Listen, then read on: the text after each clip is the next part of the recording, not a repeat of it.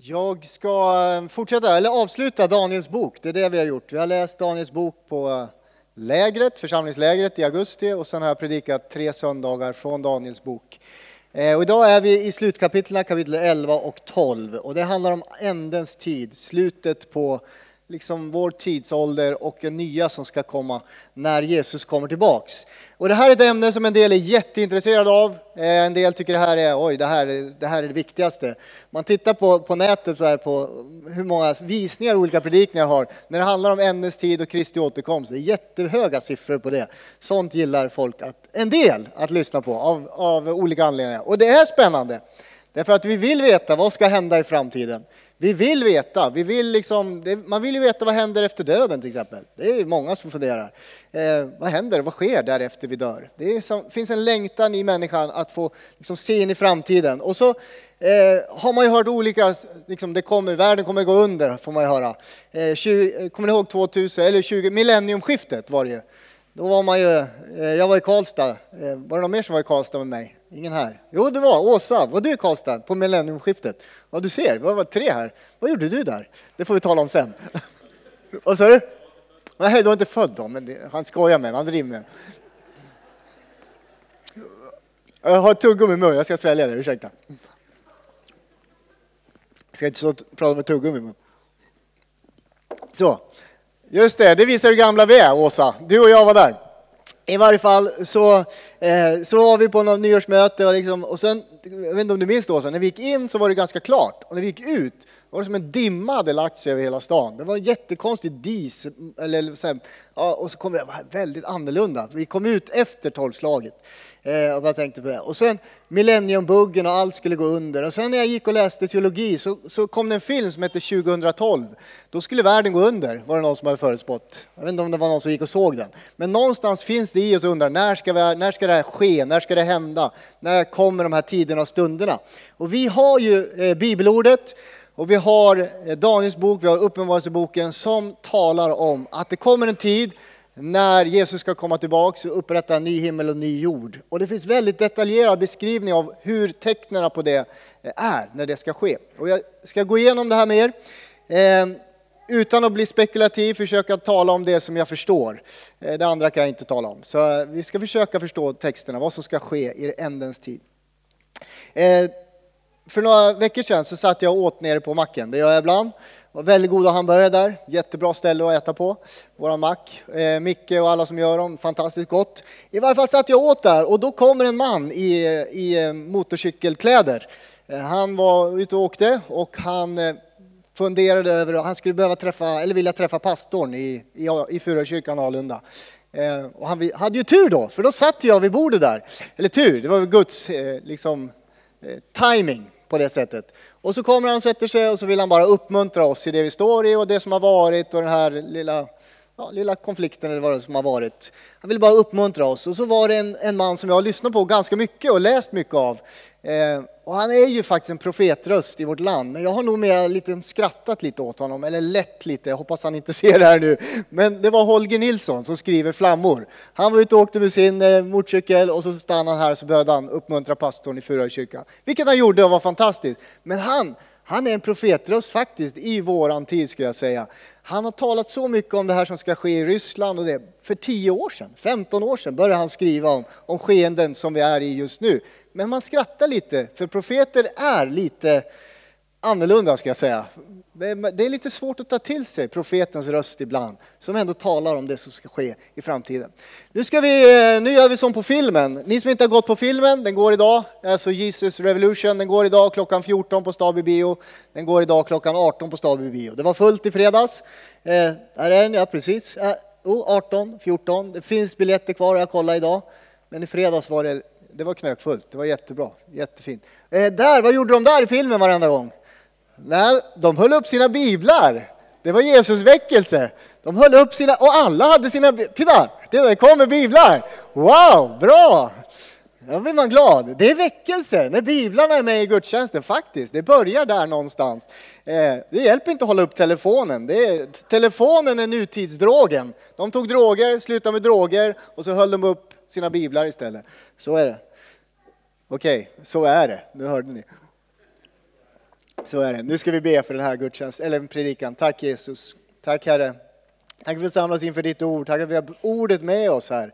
Eh, och vi får slå upp det och läsa det och vi får förundras Herre, hur du talar om ändens tid och det som ska ske i framtiden. Herre. Ber att det blir både till varning och till eh, uppmuntran och tröst för oss som tror. Herre.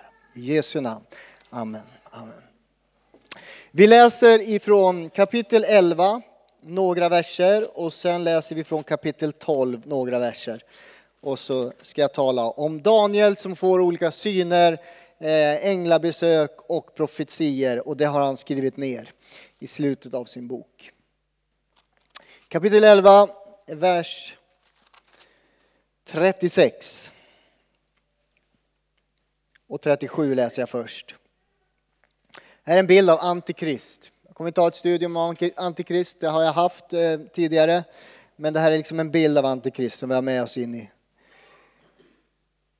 Kungen ska göra vad han vill och ska upphöja sig och förhäva sig över varje gud. Ja, mot gudars gud ska han tala sådant att man måste förundra sig. Allt ska lyckas honom väl till dess att vredens tid är ute. Till det som har beslutats måste ske. Han kommer inte att visa någon aktning för sina fäders gudar och inte heller den som är kvinnors lust eller för någon annan gud, utan han ska upphöja sig över alla. Det handlar om Antikrist. Vi går in i eh, eh, kapitel 12, vers 1. På den tiden ska Mikael träda upp, den store fursten som står som försvarare för dina landsmän. Det kommer en tid av nöd som inte haft sitt like ända från den dagen då människor blev till, ända till den tiden. Men på den tiden ska alla bland ditt folk bli frälsta, som finns uppskrivna i boken. De många som sover i mullen ska vakna, några till evigt liv, andra till förakt och evig skam. De förståndiga ska då lysa som himlavalvets ljus och de som har fört många till rättfärdighet som stjärnor, alltid och för evigt. Men du Daniel, Göm dessa ord och försegla denna skrift till ändens tid. Många ska forska i den och kunskapen ska bli stor. Och så hoppar jag till vers 13. Men gå du bort till dess änden kommer. Sedan du har vilat ska du uppstå till din del vid dagarnas ände. Massa saker som händer i den här texten. Massa saker som jag ska försöka förklara efter bästa förmåga. Men det finns ett ord som vi har lånat kanske från engelskan. Det heter timing. Eh, det handlar om timing hela tiden och här talas det om timing gång på gång på gång. Guds tid, Guds tid, Guds tid. Tiden var väldigt viktig tydligen. Det handlar om rätt timing. När du håller på med idrott, spelar fotboll eller innebandy eller vad det är, det handlar om att ha rätt timing för att komma till bollen i rätt tid för att skjuta mål hela tiden. Om man är cyklist, är det någon som är cyklist? Nej, inga cyklister. Jo, vi har en Anders här och det finns flera som cyklar bra. Och då menar jag inte motorcyklist, utan cyklist när man trampar själv och använder sina egna benmuskler och sitt hjärta. I varje fall, en cykeltävling handlar om timing. Ja, nu kommer jag in i det här så det är lika bra att jag visar. Om ni aldrig har cyklat en cykeltävling så ska jag berätta om timingen i en slutspurt, för där är det timing som gäller. Om ni har sett på Tour de France, är det någon som kollar det? Ja, det finns någon, det var roligt. Ni tittar lite på cykel I varje fall i cykeltävlingar så kommer en klunga, säg att de är 50-60 som är på, på den där långa raksträckan. Det är en platt, alltså en, en, en eh, platt väg, det är inte en uppförsbacke de spurtar i. Det går eh, drygt 70 kilometer i timmen.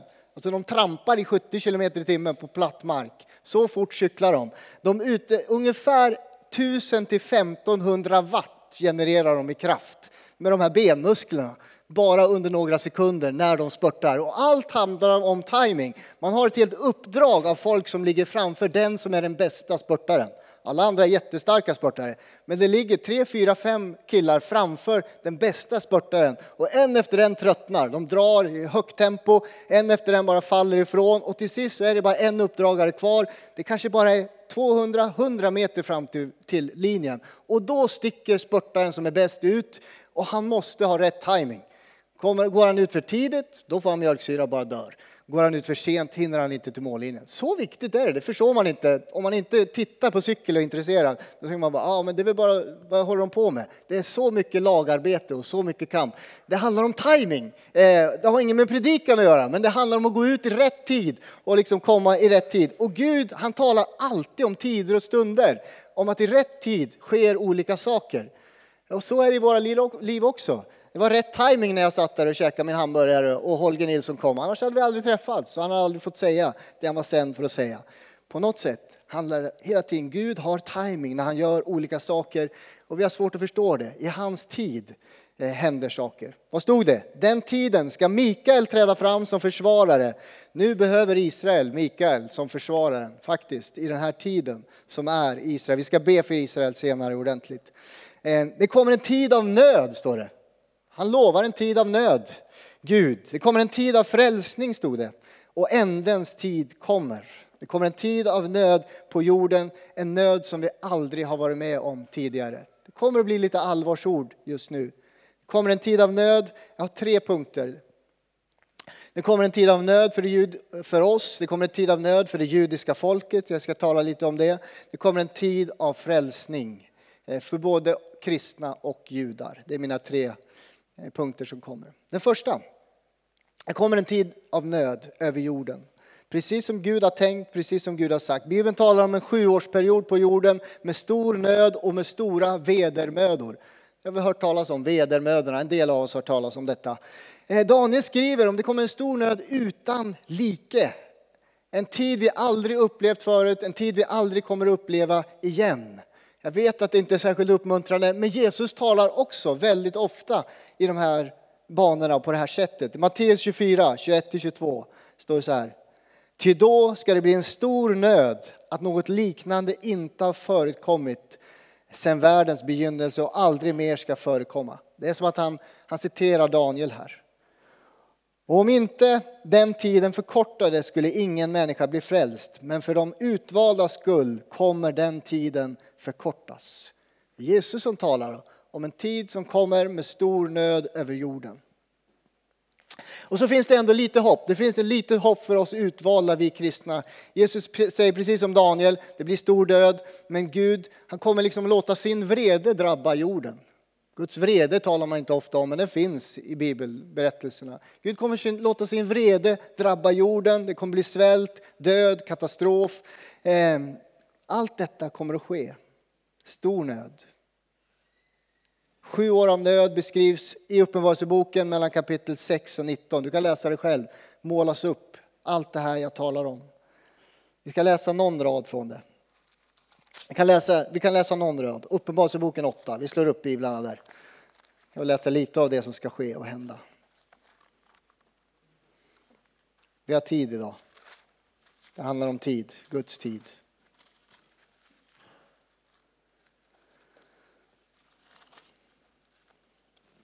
Uppenbarelseboken kapitel 8, så bara en liten del av det som ska ske. Vers 6 står det så här. Och de sju änglarna med de sju basunerna gjorde sig redo att blåsa i dem. När första ängeln blåste i sin basun, då kom det hagel och eld blandat med blod och det kastades ner på jorden. En tredjedel av jorden brändes upp, liksom en tredjedel av träden och allt grönt gräs sveddes av. Den andra ängeln blåste i sin basun, då var det som en stor brinnande berg hade kastats i havet. Och en tredjedel av havet blev till blod, och en tredjedel av allt liv i havet dog, och en tredjedel av alla fartyg gick under. Den tredje ängeln blåste i sin basun, då föll en stor stjärna brinnande som en fackla ner från jorden, och den föll över en tredjedel av floderna och vattenkällorna. Stjärnans namn är malört. En tredjedel av vattnen eh, förvandlades då till malört, och många människor dog av vattnet som hade blivit förgiftade. Den fjärde ängeln blåste i sin basun, då träffades en tredjedel av solen och en tredjedel av månen och en tredjedel av stjärnorna så att en tredjedel av dem förmörkades och dagen förlorade tredjedelen av sitt ljus och natten likaså. Och jag såg och jag hörde en örn flyga högst upp på himlen. Den ropade med hög röst, ve, ve, ve över jordens invånare för de basunstötar som återstår när de tre andra änglarna blåser i sina basuner och så fortsätter basunljudet och man blåser. Detta ska ske i den stora nöden som ska drabba jorden. Svält, död, katastrof som jag sa, ekonomisk kollaps, naturkatastrofer, mörker, smittor. Det här är bara lite av det som kan ske. Många ska dö. Alltså jag säger, jag förstår, det är hemskt. Men under dessa år kommer människor vända sig till Herren Jesus Kristus och bli räddade. Det är det vi tror. Många kommer att uppleva martyrdöden på grund av sin tro på Jesus Kristus. Men Gud kommer att tillåta en tid som den här. Varför då? Ställer man i varje fall jag frågan. Varför då? Därför att det kommer väcka den som sover. Den här tiden kommer att väcka den som sover. När Guds vrede drabbar jorden, allt detta sker, så kommer några vakna upp. Man kan börja åkalla Herrens namn. Jag vet inte hur det var för dig när du blev frälst. En del är ju snara att omvända sig, snabba. Okej, Gud är god, han älskar mig, jag omvänder mig och följer honom. Andra behöver hamna riktigt långt ner i skiten. Långt ner liksom på botten och förstå, jag kan inte rädda mig själv. Det allra värsta behöver drabba vissa människor för att man ska kunna vända sig till Jesus Kristus och bli räddad. Någonstans tillåts all denna nöd därför att då kommer några vakna upp och omvända sig till Jesus. Därför att Gud, han vill, han vill rädda den här världen. Han vill rädda människor och ibland behövs de här omskakande händelserna i livet för att jag ska liksom böja mina knän och kapitulera inför Jesus så att jag kan bli räddad. Gud vill rädda dig. Om det är skakigt i ditt liv just nu, det är tid att kanske böja sig för Jesus. Omvändelsens tid är nu. Böja sig inför honom och säga, jag klarar inte det här själv. Jag behöver dig Jesus, heliga Ande för att ens kunna leva för dig. Gud vill rädda människor. Därför låter han sin son dö på korset för vår skull som Johan berättade om. Han låter sig spikas upp, han tar piskrappen, han tar smärtan, lidandet, korset för att du och jag ska räddas. Och i den här stora nöden ska människor kunna räddas. Skakar ditt liv just nu, dra dig närmare Jesus ska jag säga. Gud, han tillåter det här i sin stora kärlek. Vi ser ju inte kärleken i det. Men Guds vrede är Guds kärlek i det att det sker en omvändelse för människor så att vi kan bli räddade.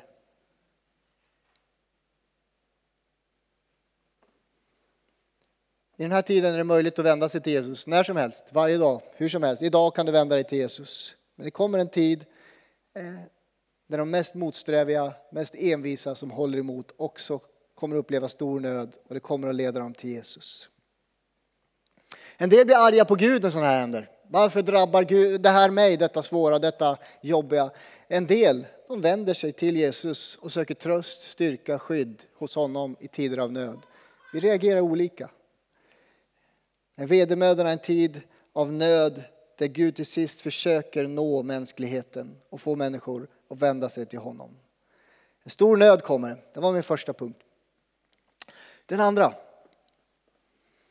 Denna tid av nöd, ska jag säga också, vad jag förstår från bibeltexter, är Guds sätt att också skaka om sitt eget folk, Israel. Denna tid av nöd kommer också skaka om Israel. Och det skakar just nu, ni som följer nyhetsbevakning, det skakar Israel just nu. Denna attack som har skett mot det landet. Guds folk är under attack. Eh, och vi ber för dem och vi ska fortsätta be för dem. Jag tänker att också i nödetid inte bara skakar upp hedningar och, och, kristna utan det skakar också om nationen Israel.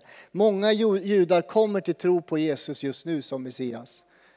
Sen de fick ett eget land har fler judar omvänt sig till Jesus och blivit kristna. Eh, men det är väldigt många som faktiskt ännu inte tror på Jesus som Messias. Men det kommer att skaka. Sakarja 12 och 10. Ett viktigt profetiskt ord från profeten Sakarja. Står det så här. Men över Davids hus och över Jerusalems invånare ska jag utgjuta nådens och bönens ande. Så att de ser upp till mig som de har genomborrat. Ni hör profetiska. De ska sörja honom som man sörjer ende sonen och de ska gråta bittert över honom så som man gråter över sin förstfödde.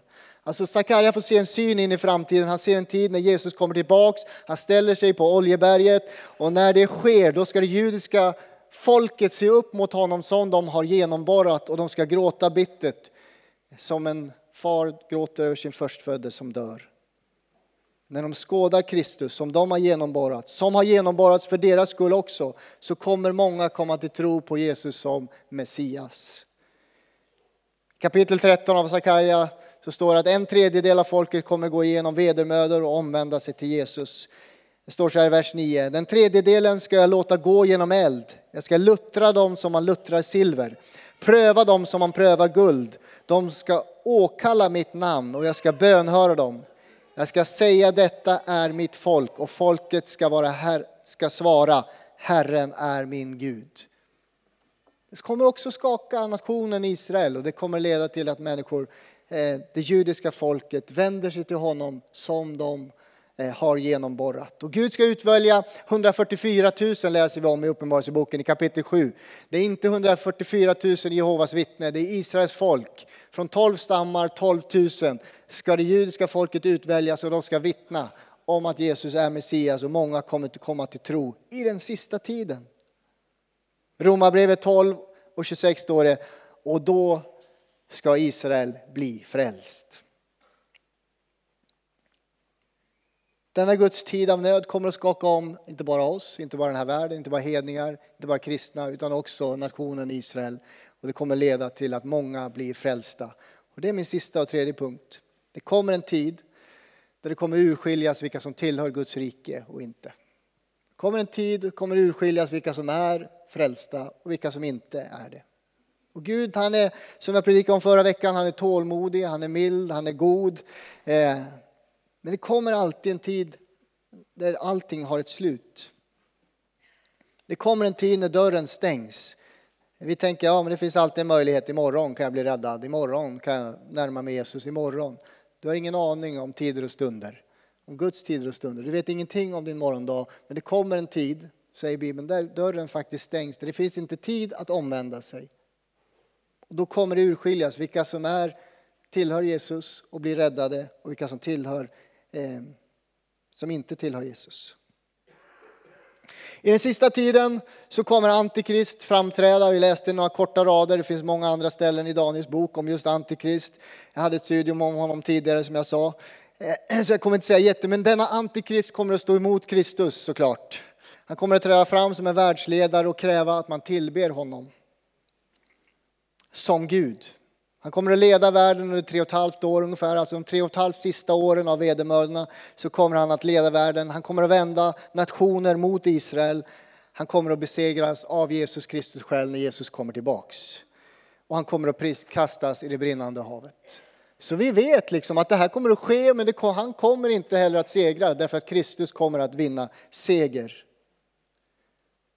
Samtidigt kommer en tid av frälsning. Och nu blir det lite bättre för oss här, hoppas jag. Det kommer en tid av räddning. Alla som har sina namn skrivna i Livets bok kommer att räddas. Alla som har blivit uppskrivna i Livets bok kommer att uppleva frälsning.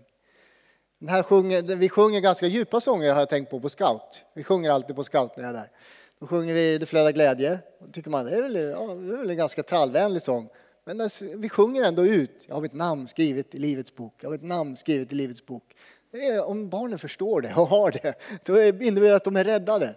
Och så brukar vi sjunga det här, varenda tjej och varenda kille, Den har vi sjungit va?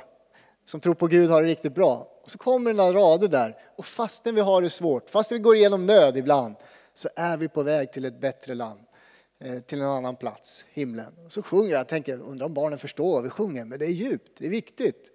Eh, vi har det svårt här, det är nöd, och nödatider kommer. Men vi har en annan plats som heter himlen som vi är på väg till. Vi som har våra namn skrivna i Livets bok.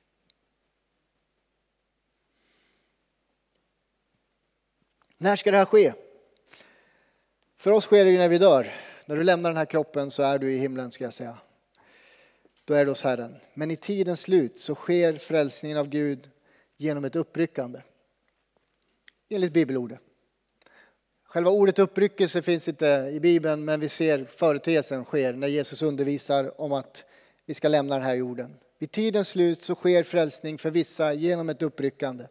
Det är en händelse där några generationer kristna kommer att lämna jorden utan att dö. Man kommer att lämna jorden utan att dö och vara hos Jesus. De kristna som följer liksom Jesus strax innan den sista basunen ljuder kommer att lyftas upp till himlen. Och du som har ditt namn skrivet i Livets bok kommer att slippa vedermödorna. Du kommer att slippa denna sjuårsperiod och du kommer redan vara i himlen.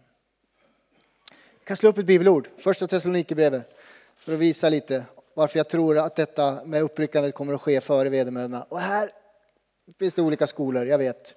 men varför jag tror det. Och flera med mig såklart. Jag är inte ensam om det. Eh, första Thessalonikerbrevet.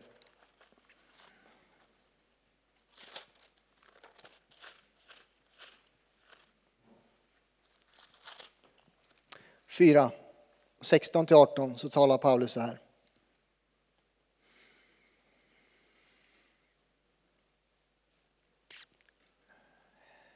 Ty när en befallning ljuder, ja det bläddras, det är bra. Första Thessalonikerbrevet 4.16. Ty när en befallning ljuder, en ärkeängels röst och en Guds basun, då ska Herren själv stiga ner från himlen och först ska de som har dött i Kristus uppstå. Därefter ska vi som lever och är kvar ryckas upp, ja det fanns ju uppryckelsen, fast med olika, bland moln tillsammans med dem för att möta Herren i rymden. Och så ska vi alltid vara hos Herren. Och så kommer versen varför jag tror att det eh, sker innan. Trösta därför varandra med dessa ord. Alltså någonstans så ska vi ryckas upp och trösta. Om vi skulle gå igenom det där hemska, jag är tveksam. Jag tänker att vi, vi kommer att ryckas upp först. Eh, och så trösta varandra med dessa ord. Innan den stora nöden kommer så kommer vi möta Herren. Sen kommer tiden slut. Men du som har ditt namn skrivet i Livets bok, du kommer att leva för evigt i himlen. Det kommer att ske en utsållning. Matteus 25, vi kan slå upp det också. Matteus 25. Om ändå bläddrar.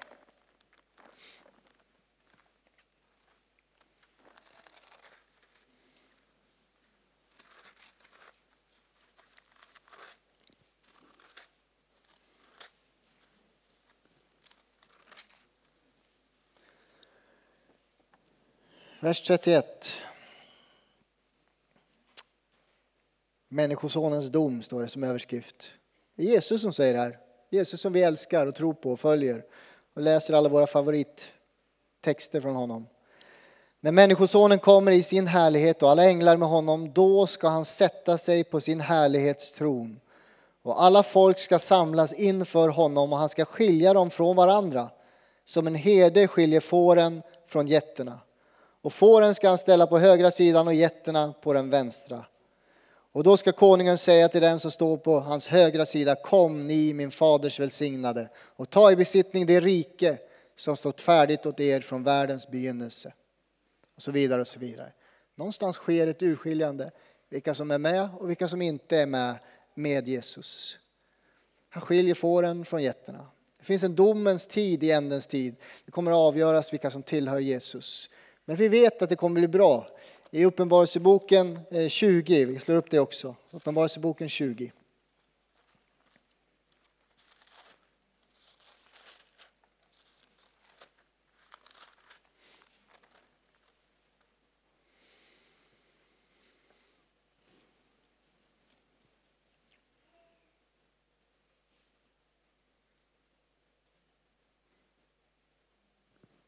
Vers 11. Och jag såg en stor, det är Johannes som säger detta, och jag såg en stor vit tron och honom som satt på den. För hans ansikte flydde jord och himmel och det fanns ingen plats för dem. Och jag såg de döda, både stora och små, stå inför tronen och böckerna öppnades. Böckerna är där igen. Och ännu en bok öppnades, Livets bok. Och de döda blev dömda efter sina gärningar, efter vad som stod skrivet i böckerna. Och havet gav igen de döda som fanns i det och döden och helvetet gav igen de döda som fanns i dem. Och var och en dömdes efter sina gärningar. Döden och helvetet kastades i eldsjön. Detta, det vill säga eldsjön, är den andra döden.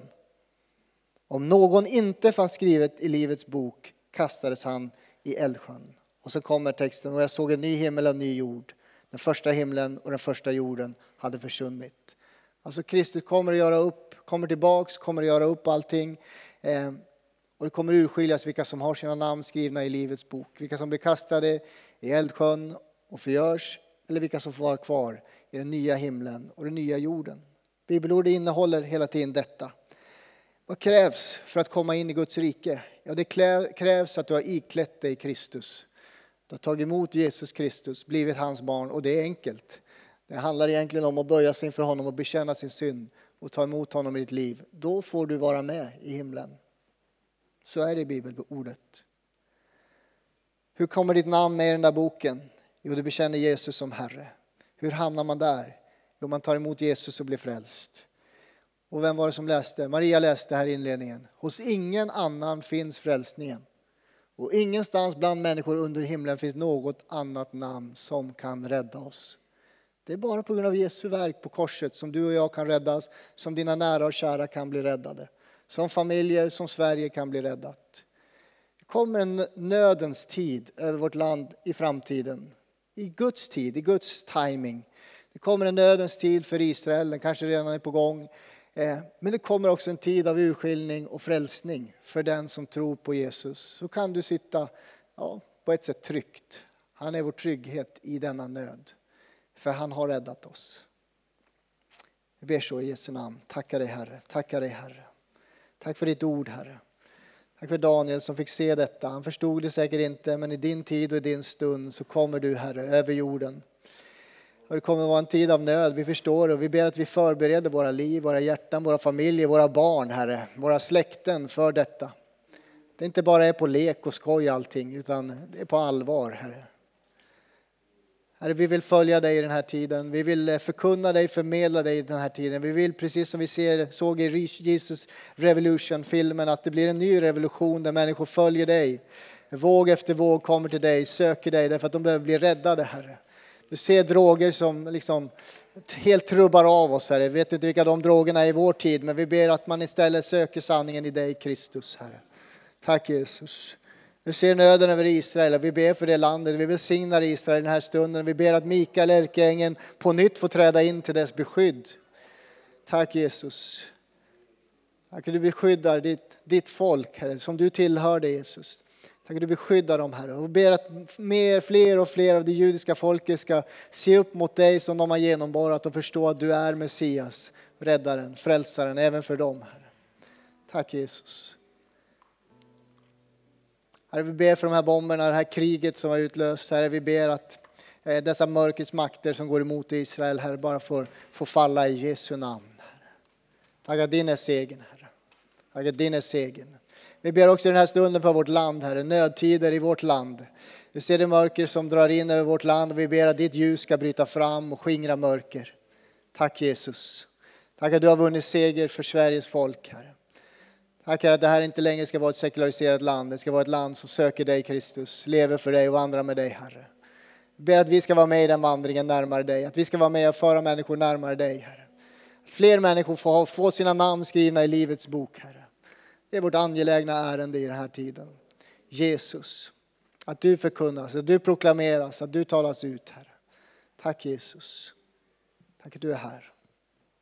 I Jesu namn. Amen.